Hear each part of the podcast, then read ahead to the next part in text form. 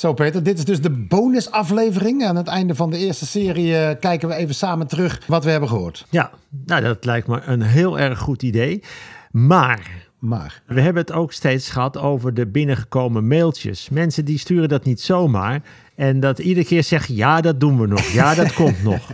Zullen we dat eerst doen? nou ja, we gaan het eerst doen. Ja, ja. Ja. ja. Nou, Want, want jij hebt ze nog niet gelezen. Ik heb ze niet Nee, gelezen. dus dan ga ik echt, ik ga er een paar uitpakken. Uit, we hebben er echt veel gekregen. We gaan er een paar uitpakken die vooral eh, nu uit dat, eh, uit het basisonderwijs komen. En, eh, en ik ben benieuwd naar jouw reactie. Een van de eerste die binnenkwam was een leerkracht die de kinderen de eerste dag binnenkreeg en door de kinderen mama werd genoemd. Ah, Is dat niet schattig?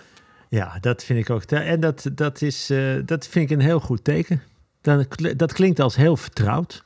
Er was er trouwens één en die was minder gelukkig, want die werd oma genoemd. Maar goed, eh, we hoeven niks te verzinnen, dit is echt gebeurd. Er zijn heel veel mails binnengekomen van leraren en ouders. En sommige leraren zijn natuurlijk ook ouder en hebben zo gemaild. Dat kinderen eigenlijk best op adem zijn gekomen thuis. We hebben natuurlijk in deze podcast gesproken over kinderen die onder druk staan. Maar er zijn ook een heleboel kinderen die echt tot rust zijn gekomen. Omdat ze eh, onder druk stonden in het systeem. Als laatste werden gekozen bij gym. Nou. eh, niet precies wisten waar ze aan toe waren op school. En dus eigenlijk een hele goede tijd hebben doorgemaakt. Ja, dat snap ik. En ik vind het toch ook jammer om te horen. In de zin van? Nou ja, omdat je hoopt dat, dat ieder kind zich op school zo vertrouwd voelt en zo rustig en zo veilig. En het is allemaal goed wat ik doe. Dat hoop je. Maar ik snap ook dat het helemaal niet het geval is. Want daarvoor eh, is het gewoon te ingewikkeld.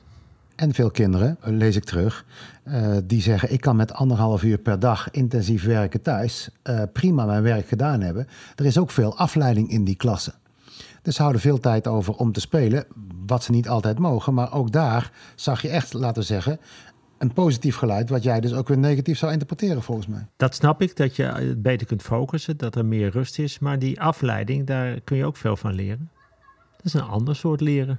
In die twijfel zie je ook reacties van mensen die moeten kiezen tussen, laten we zeggen, eh, gezondheid. Hè? Dus het voorkomen van corona aan de ene kant en de sociale interactie aan de andere kant. De, Ja. de, de intelligente lockdown eh, laat wat ruimte, maar je ziet in heel veel mails dat mensen echt moeite hebben om aan de ene kant de regels vast te houden en aan de andere kant ruimte te maken voor hun kinderen die ze eigenlijk beter vinden. Ik, dit is eh, totaal herkenbaar. Niet dat ik daar direct met kleine kinderen te maken heb, want mijn, eh, mijn dochter is 24.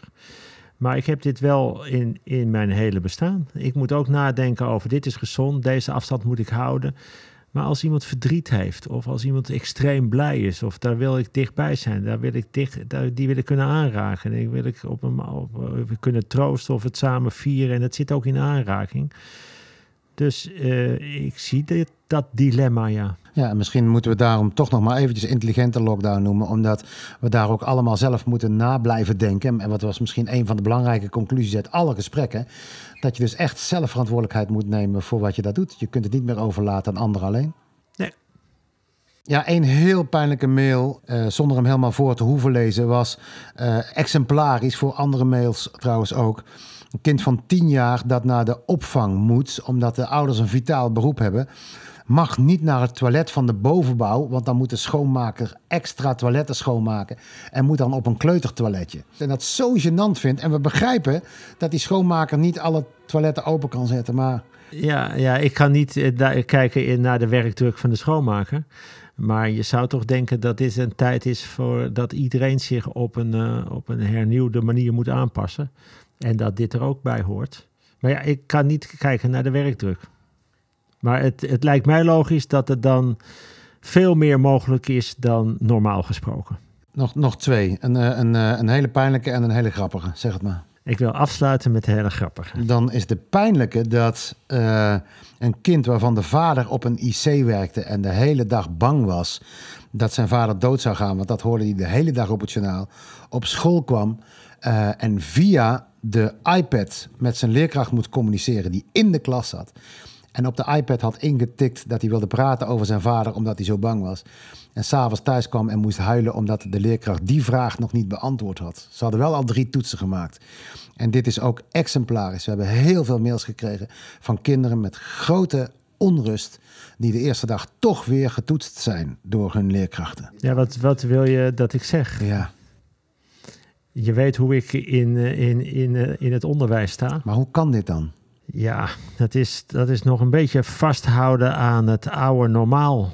En, en er is, dat is niet van nu. Nu is het een tijd van eerst beginnen met aandacht, extra aandacht. Kijken waar iedereen staat. Wat is er gebeurd? Hoe moet je je daartoe verhouden? Dat is natuurlijk het eerste. Ja, dan, mensen hebben soms ook de neiging om direct terug te grijpen op wat ze altijd hebben gedaan. Dat is nu niet aan de hand. Toch weer, toch weer geredeneerd vanuit de achterstand. Ja. Nou, maar je hebt nog een, een, vrolijke. Ik heb een hele vrolijke. Er was één kind en die was ook in paniek. Dat is niet op zich niet vrolijk, maar hij was in paniek omdat hij had gehoord dat het coronavirus ook in Spanje was en dat oude mensen in de risicogroep zaten. Dus hij dacht dat Sinterklaas misschien dit jaar wel eens niet meer naar Nederland zou kunnen komen. Oh. nou, dan, uh, dan hebben we goed nieuws. Ik heb hem onlangs nog gesproken. Hij maakt het goed. we berichten het terug. Peter, wat, wat, is, er, wat is er blijven hangen uh, uh, bij jou... naar aanleiding van de gesprekken die we hier hebben gehad... met, met, met, met gasten, met leraren, met kinderen...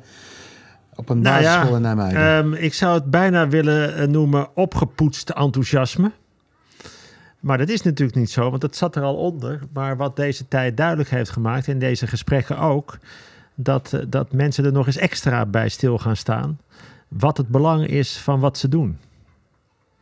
En, uh, en dat, ik geloof ook dat het, uh, dat het een, een gedragen mening is in het, in het hele land. Mensen zijn wat ze er ook van vinden. Ze kunnen moeite hebben met nieuwe, nieuwe plannen, met ontwikkelingen. Ze kunnen het moeilijk hebben gevonden hoe dat thuis ging. Ze vonden het makkelijk, ze vonden het mooi, ze vonden het ingewikkeld. Ze, maar ze denken er allemaal extra over na. Dus het, het onderwijs heeft opeens weer een, een, staat opeens weer in het centrum.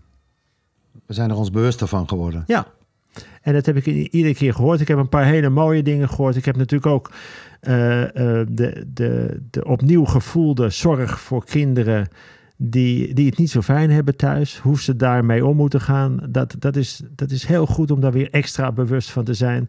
Het is ook fijn om te horen dat mensen direct kunnen omschakelen. Binnen uh, één, twee dagen. Oké, dit is aan de hand, dan gaan we het zo aanpakken. We laten niemand vallen. We gaan iedereen in de gaten houden. We gaan mensen steunen. Dit zijn de programma's aan de slag.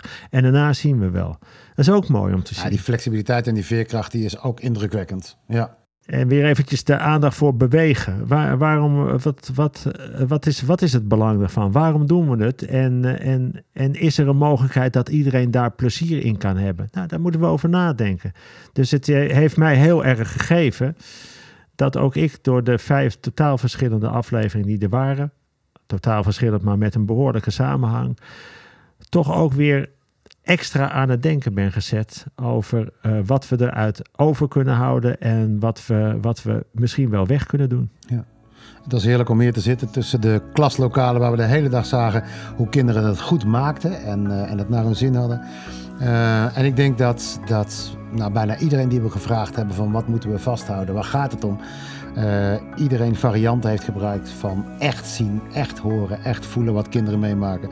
Of misschien zelfs, zoals Ted zei, zien wat je liever niet ziet. Nou, als dat is overgebleven uit deze podcast, dan uh, ben ik daar gelukkig mee. Ik ook. Tot de volgende ronde.